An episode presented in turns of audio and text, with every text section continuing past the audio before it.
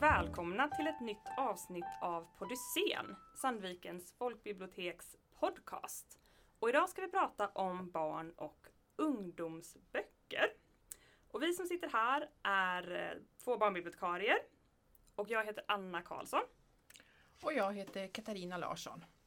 Och Anna hon är ung, relativt nyutexaminerad och själv är jag gammal och har arbetat i yrket i 30 år.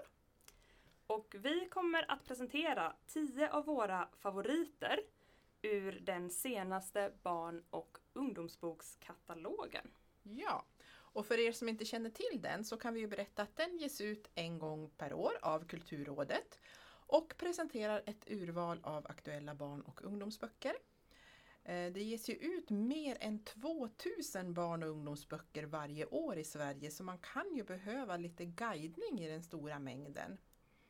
Tidigare så gavs den ut i samband med Bokmässan men numera så kommer den eh, i samband med läslovet, tidigare höstlovet. Och den här katalogen den är uppdelad i två stora avdelningar, en för yngre barn och en för lite äldre barn och ungdomar. Och sen är det ju massor av underavdelningar också för till exempel faktaböcker, serier, böcker på andra språk och så vidare. De här böckerna de väljs ut av en jury som även skriver en text till varje bok som presenteras. Och det är även en hel del reportage i katalogen, till exempel intervjuer med författare, läsambassadörer, barns egna boktips och så vidare. Och nu tänkte vi presentera våra favoriter i den senaste katalogen, vilket vi även gjorde i februari och då var det för intresserade pedagoger här i Sandvikens kommun. Men de lyssnade i en och en halv timme och så länge ska vi inte prata här utan här kommer det bästa av det bästa. Ska du ta början Anna? Absolut, russinen i kakan alltså. Och den första boken som jag ska prata om heter Dyksommar och är en Augustpris-nominerad bilderbok som är gjord av två Saror. Den är skriven av Sara Stridsberg och illustrerad av Sara Lundberg. Och det här är en otroligt vacker bok i både form och innehåll som behandlar ämnet psykisk sjukdom i familjen. Boken utspelar sig i dåtid och handlar om flickan Zoe vars pappa plötsligt försvinner från familjen en dag.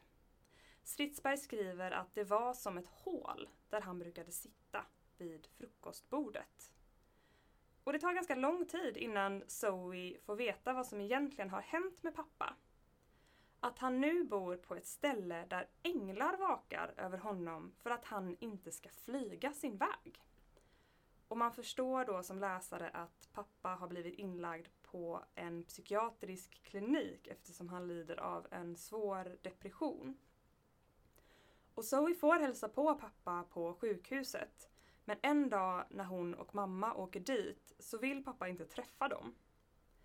Istället blir Zoe vän med en annan patient på sjukhuset som heter Sabina. Och Sabina är eh, lite småtokig och hon är också simmerska. Och hon ska simma över Stilla havet en dag. För att hon säger att en flicka kan allt hon vill.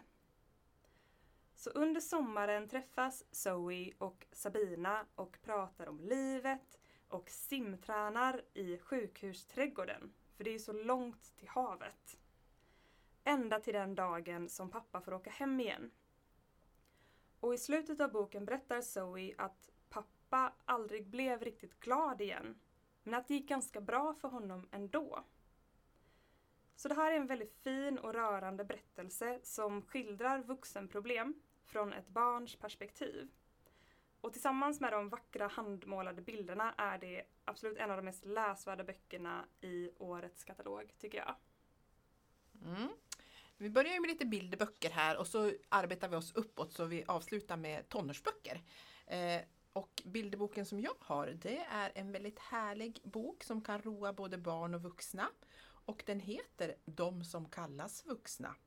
Skriven av Annika Hedin och illustrerad av Hanna Klinthage. Och den boken behandlar hur, om hur vuxna kan vara så väldigt svåra att förstå sig på.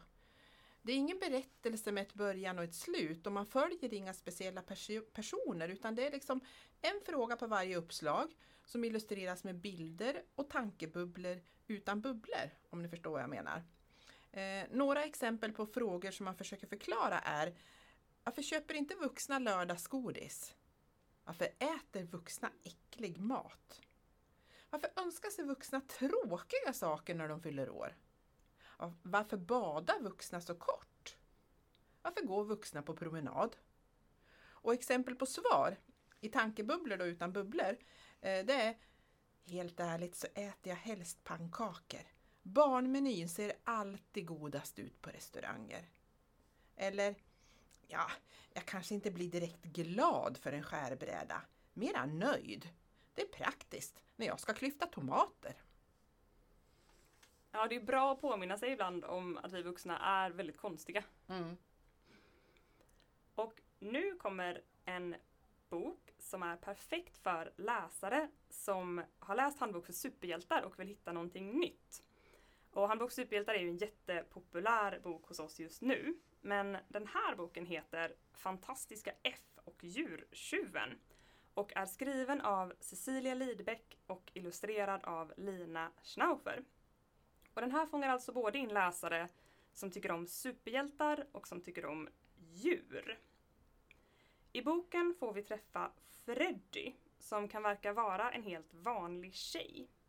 Men som när som helst kan förvandla sig till superhjälten Fantastiska F.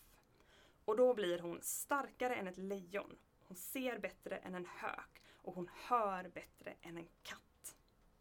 Och trots att Fantastiska F är känd i hela stan så är det ingen som vet att hon och Freddy är samma person.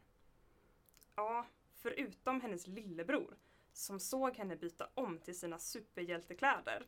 Och sen dess måste hon muta honom med godis för att han inte ska skvallra. Freddys pappa jobbar på ett bageri tillsammans med sin kompis Hassan. En dag får Freddy höra att Hassans älskade mopsar har försvunnit och massor med andra husdjur också. Det står snart klart att det finns en djurtjuv i staden och att Fantastiska F kanske är den enda personen som kan rädda dagen. Så det här är en humoristisk och lättläst och färgstark bok som passar perfekt för läsare på lågstadiet. Den har eh, väldigt mycket bilder och lagom mycket text. Mm. På tal om lättlästa böcker så finns det ett reportage i barnbokskatalogen nu då som handlar om projektet Lättläst på fritids. Det drogs igång av Gunilla Hagman som tidigare arbetade som förste skolbibliotekarie i Gävle och som numera samarbetar med Nypon förlag som ger ut lättlästa böcker. Det finns ju andra förlag som också ger ut lättlästa böcker kan vi säga. Eh, men målet är i alla fall att barn på fritids ska få lyssna till högläsning av en bok per dag. Och då måste den ju vara kort och lättläst för att man ska hinna, ut, hinna läsa ut den vid ett tillfälle. För det är nästan omöjligt att läsa tjocka kapitelböcker på fritids eftersom antalet barn varierar så mycket och det blir väldigt tråkigt om man missar något kapitel. Så på det här sättet så behöver man inte bekymra sig om det. Eh, en bok vid ett tillfälle. Och vi i Sandviken kör sedan ett par år tillbaka ett eget upplägg av det här konceptet som innebär att vi har 25 boklådor som cirkulerar på skolornas olika fritidshem. Och I de här lådorna då, då finns det både lättlästa kapitelböcker, bilderböcker, lättlästa faktaböcker och även lite utgallrade tidskrifter. Det här är väldigt uppskattat och det ökar ju tillfällena då barn får ta del av det tryckta ordet i den här digitala vardagen som annars består av så mycket film, tv-spel, dataspel och så vidare. En eh, annan familj som jag verkligen har tagit till mitt hjärta det är familjen Knyckertz. Trots att de arbetar som tjuvar. De här böckerna de är skrivna av Anders Sparring och är väldigt rikligt illustrerade av Per Gustafsson. De passar både bra att läsa själv när man har kommit igång med sin läsning och man kan jämföra dem kanske med Lasse-Maja-böckerna i svårighetsgrad. Men de är också väldigt roliga att läsas högt av en vuxen eftersom de hela tiden blinkar till de vuxna med till exempel underbara ordvitsar. Eh, hör här bara. Pappan i familjen, han heter Bove. Dottern heter Kriminellen. Hunden heter Snuten. Eller Truten Snuten som han själv tror att han heter Mm. för det skriker familjen åt honom hela tiden. Eh, grannen till familjen, han är pensionerad polis. Han heter Paul Isman. Eh, och den här boken nu då som finns i katalogen, den heter Familjen Knyckertz och Snutjakten. Det här är den tredje boken i serien. Eh, så det finns ehm, två tidigare delar. Och nu i vår så kommer del fyra att ges ut. Och på en förlagsdag som jag var på för några år sedan, så när de skulle presentera första boken, då kom faktiskt bägge de här författarna utklädda till bovar i randiga trikåer och ögonbindlar och sådär. Riktiga showare var de, så det, där missade du någonting Anna. Mm. Det gillar vi författare som ger allt. Ja. Och nästa bok som jag ska prata om handlar också om en familj, men på ett lite allvarligare tema. Boken heter Jordgubbsbarnen och är skriven och illustrerad av Sara Olausson. Och i den här berättelsen får vi lära känna Maria och hennes tvillingbror Gabriel som bor i en liten by i ett land där människor verkar ha det ganska svårt.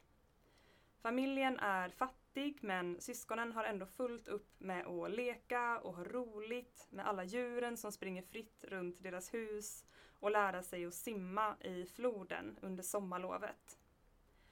Men snart stå, slår torkan till och en olycka följer på en annan och till slut blir föräldrarna tvungna att lämna sina barn och åka till ett ställe som heter Sverige, som är ett konstigt land i norr, för att arbeta. Där säger de att de ska plocka jordgubbar som är större än äpplen så att familjen aldrig mer ska behöva oroa sig för någonting. Men när Maria och Gabriel blir retade av de andra barnen i byn och kallade för jordgubbsbarn börjar man som läsare förstå att det är något som inte riktigt stämmer med föräldrarnas historia. Och till slut förstår även barnen att deras föräldrar faktiskt försörjer sig i Sverige genom att tigga. Så det här är en jätteviktig bok som skildrar livet för romer som reser till Sverige och även deras familjer i hemlandet. Och genom att läsaren först får lära känna barnen och följa med in i deras värld lyckas Olausson att skapa förståelse för en väldigt stigmatiserad och utsatt grupp i samhället. Och därför tycker jag att boken passar väldigt bra för just högläsning eftersom det är möjligt att föra ett samtal med barn om en grupp människor som de kanske möter i sina närområden varje dag men egentligen inte vet någonting om. Dessutom har boken ett väldigt fint språk och många vackra vardagsskildringar om hur det är att vara barn. Så den kan jag verkligen rekommendera till både föräldrar och pedagoger. Mm. Eh, Mårten Melin det är ju en författare som är väldigt produktiv. De ämnen som han verkar vara mest förtjust i att skriva om är kärlek och magi. En hel del poesiböcker skriver han också och han skriver för alla åldrar, förutom för vuxna. Då. I grunden så är han bibliotekarie och jag tror att hans litterära bana börjar med texter till Bamseböcker och Bamsetidningar. Den här boken som jag håller i nu, det är en kort skräckis för 10-13-åringar med otroligt häftiga illustrationer gjorda av Mattias Olsson. Eh, de är gjorda i skrapkartong och det passar väldigt bra med allt det här svarta till en så läskig bok som Husets hjärta är. Husets hjärta heter alltså boken och eh, den handlar om ett ödehus som är levande. Människor som tar sig in i det här huset, de kommer aldrig ut igen. Två unga tjejer tar skydd för regnet i huset, men det, det skulle de aldrig ha gjort.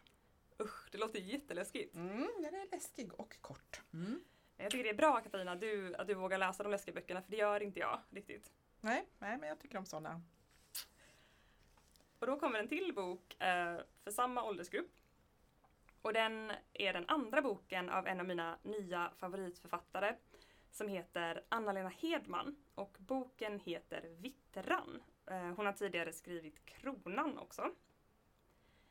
I den här boken får vi lära känna två bröder som heter Hannes och Emil och de bor i en avfolkningsort någonstans i norra Sverige. I början av berättelsen har hela byn mer eller mindre brutit sig in i den nerlagda skolan för att se VM-finalen i fotboll där Sverige möter Tyskland. Och alla har satt sitt hopp till stjärnspelaren Herman Manieri som de hoppas ska kamma hem segern åt det svenska landslaget. Men till alla stora förfäran lyckas Manieri istället att göra ett förödande självmål under de sista minuterna av matchen. Och sedan går han under jorden och försvinner helt. Samtidigt i byn börjar Emil och Hannes märka konstiga fenomen i naturen. Man kan se eh, dubbla regnbågar som landar på den plats i skogen där bäcken möter älven. Och där två vatten möts, berättar pojkarnas eh, gamla granne Eivor, kan vad som helst hända. Men mamma säger att man inte ska lyssna på Eivor för hon är tokig. Och hon brukar ju tala om vittror och andra märkliga väsen som hon säger ska finnas i skogarna runt den lilla byn. Men bröderna ger i alla fall sig iväg för att utforska den här mystiska platsen och där hittar de ett konstigt läger med massa hyddor. Och i en av hyddorna så hör de att någon ligger och, och klagar och ojar sig. Och när de smyger fram och tittar in i den här kojan så hittar de ingen mindre än fotbollsstjärnan Herman Manieri. Och han har slagit läger utanför byn för att komma bort från all uppståndelse i media. Och det här blir början på en helt vansinnig berättelse om vänskap och om fotboll och om nordiska väsen. Och Hedman hon är liksom expert på att skildra både landsbygdens utsatthet och styrka med stora skopor av värme och humor och galenskap. Och det, är, det är liksom svårt att förklara den här boken men det var, det var nog lä, eh, årets läsupplevelse för mig i alla fall. Mm, man blir ju väldigt sugen på att läsa den. Jag har inte läst den än men det måste jag göra. Ja, gör det. Mm. Eh, här har jag en sån spännande bok som det bara inte går att lägga ifrån sig. Man måste läsa klart den i ett svep. Eh, och boken heter Ingen kommer undan skriven av Anna Knutsson och Ann-Kristin Magnusson. Och den är illustrerad av ingen mindre än Lars Winnerbäck. Visste du att han sysslar med sånt? Hade ingen aning, Nej. vad roligt. Mm. Han har faktiskt även illustrerat en hel bilderbok tidigare och den kan man låna på biblioteket. Eh, den här boken då, den handlar om en årskurs 6 från en Stockholmsskola som ska åka på en skolresa till ett ställe som heter Ormberget. Och alla i klassen har verkligen sett fram emot det här. Men så bestäms det att Connor inte ska få följa med på skolresan. Connor han har en kriminell pappa och en alkoholiserad mamma och han är stämplad av de flesta i klassen. Men inte av Sebbe, för de två är bästisar. Och det här är något som Sebbes pappa verkligen ogillar och han gör allt för att splittra deras vänskap. Connor tar sig i alla fall ut till Orberget där klassen ska bo i några nätter och då träffar han och Sebbe på en helt galen gubbe som planerar att sätta eld på huset som alla barnen sover i. För gubben hatar nämligen barn. Han ty tycker de har fått alldeles för mycket att säga till om. Sebbe och Connor försöker stoppa gubben men absolut ingen tror på dem. Och allt blir bara katastrof. Den här boken passar bra för kanske 11 upp till emot 15 år tror jag för den är så spännande och läskig. Mm, det går lite som en modern Ulf Stark. kanske. Ja, kanske det. ja. Mm. Och nu är det dags för lite poesi. För jag vill berätta om en nyutkommen diktsamling av en ung poet som heter Mona Monassar. Och Mona är uppvuxen i Tensta utanför Stockholm och modersmål är hennes första diktsamling. Och jag läste den här boken i en sittning och tyckte att dikterna var jättebra och väldigt tillgängliga. Så de går bra att sätta i händerna på även på ovana läsare som inte är vana att läsa poesi. De skildrar på ett väldigt rakt och gripande sätt hur det är att växa upp som svart muslimsk flicka i Sverige idag. Och hur, kanske hur det är att befinna sig i mellanrummet mellan två språk och två kulturer. Och det tror jag att många unga läsare kommer känna igen sig i, denna skildring. Dikterna är illustrerade av Tova Hjärtfeldt, vilket också ger diktsamlingen eh, känslan av en grafisk roman och det gör den nog eh, ännu mer attraktiv för en yngre publik, tror jag. Och jag tänkte faktiskt läsa upp en av dikterna som fångade mig så ni får höra eh, hur det låter. Den heter Min sanning. Ni vill att jag ska skriva om misär. Att folk säljer knark på min gård. Att jag lärde mig att leka tjuv innan jag förstod vad polis var. Men det är inte min sanning. 18 år i Tensta. Vänner i varje trappuppgång. Ett hem i varje familj. När skriken hemma blev för höga hade jag ställen att vara på. Min sanning är att jag kände mig som tryggast här. Min sanning är att när jag åkte någon annanstans var jag den andra. I Tensta var jag hemma. 234 hektar av Stockholm. Är det enda ställe jag hör hemma på. Och det här namnet vill vi att ni lägger på minnet eftersom vi kommer bjuda in Mona till hösten. Och då, hon, eh, då, då kommer hon kunna läsa sina dikter och även ha en skrivarworkshop för unga vuxna. Mona Monazar alltså. Mm. Min sista bok det är en katastrofbok för tonåringar som utspelar sig i Sverige och som känns väldigt trovärdig. Eh, än mer möjlig i dessa coronatider när det otänkbara nu plötsligt har blivit en realitet. Och den här boken som jag talar om det är Therese Henrikssons Kyla. En kväll så går strömmen i den lilla byn Ale någonstans i Norrland. Det är över 30 grader kallt ute och de tre syskonen Simon, Sofia och Theo de har nu klarat sig själva i några veckor eftersom deras föräldrar har åkt till Thailand på tre veckors semester. Allt har gått bra och nu är det bara några dagar kvar till julafton och då ska föräldrarna komma hem igen. Men så går som sagt var strömmen och den kommer inte tillbaka. Och nu förstår man hur handikappade vi blir utan ström. De här ungdomarna de har bara mobiltelefoner som inte går att ladda. Det finns ingen radio som går på batterier. Det finns, blir ju ingen värme och värst av allt, inget vatten, ingen toalett. Vad ska de göra? De tar sig med bil till morfars gamla stuga ute i obygden trots att ingen av dem har körkort. Där kan de i alla fall elda i spisen och hålla värmen. Men maten den tar snart slut. Hur ska de överleva? Väldigt läskig och tänkvärd bok och den påminner en hel del om boken En sekund i taget av Sofia Nordin som också är en katastrofbok.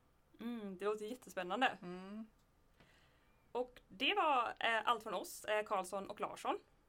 Tack för att ni har lyssnat. Eh, ni kan hämta eh, barn och ungdomsbokskatalogen på alla bibliotek i Sverige och där finns det ju jättemycket fler tips än de vi har pratat om idag. Mm. Ni får ha det så bra. Tack och hej! Tack och hej!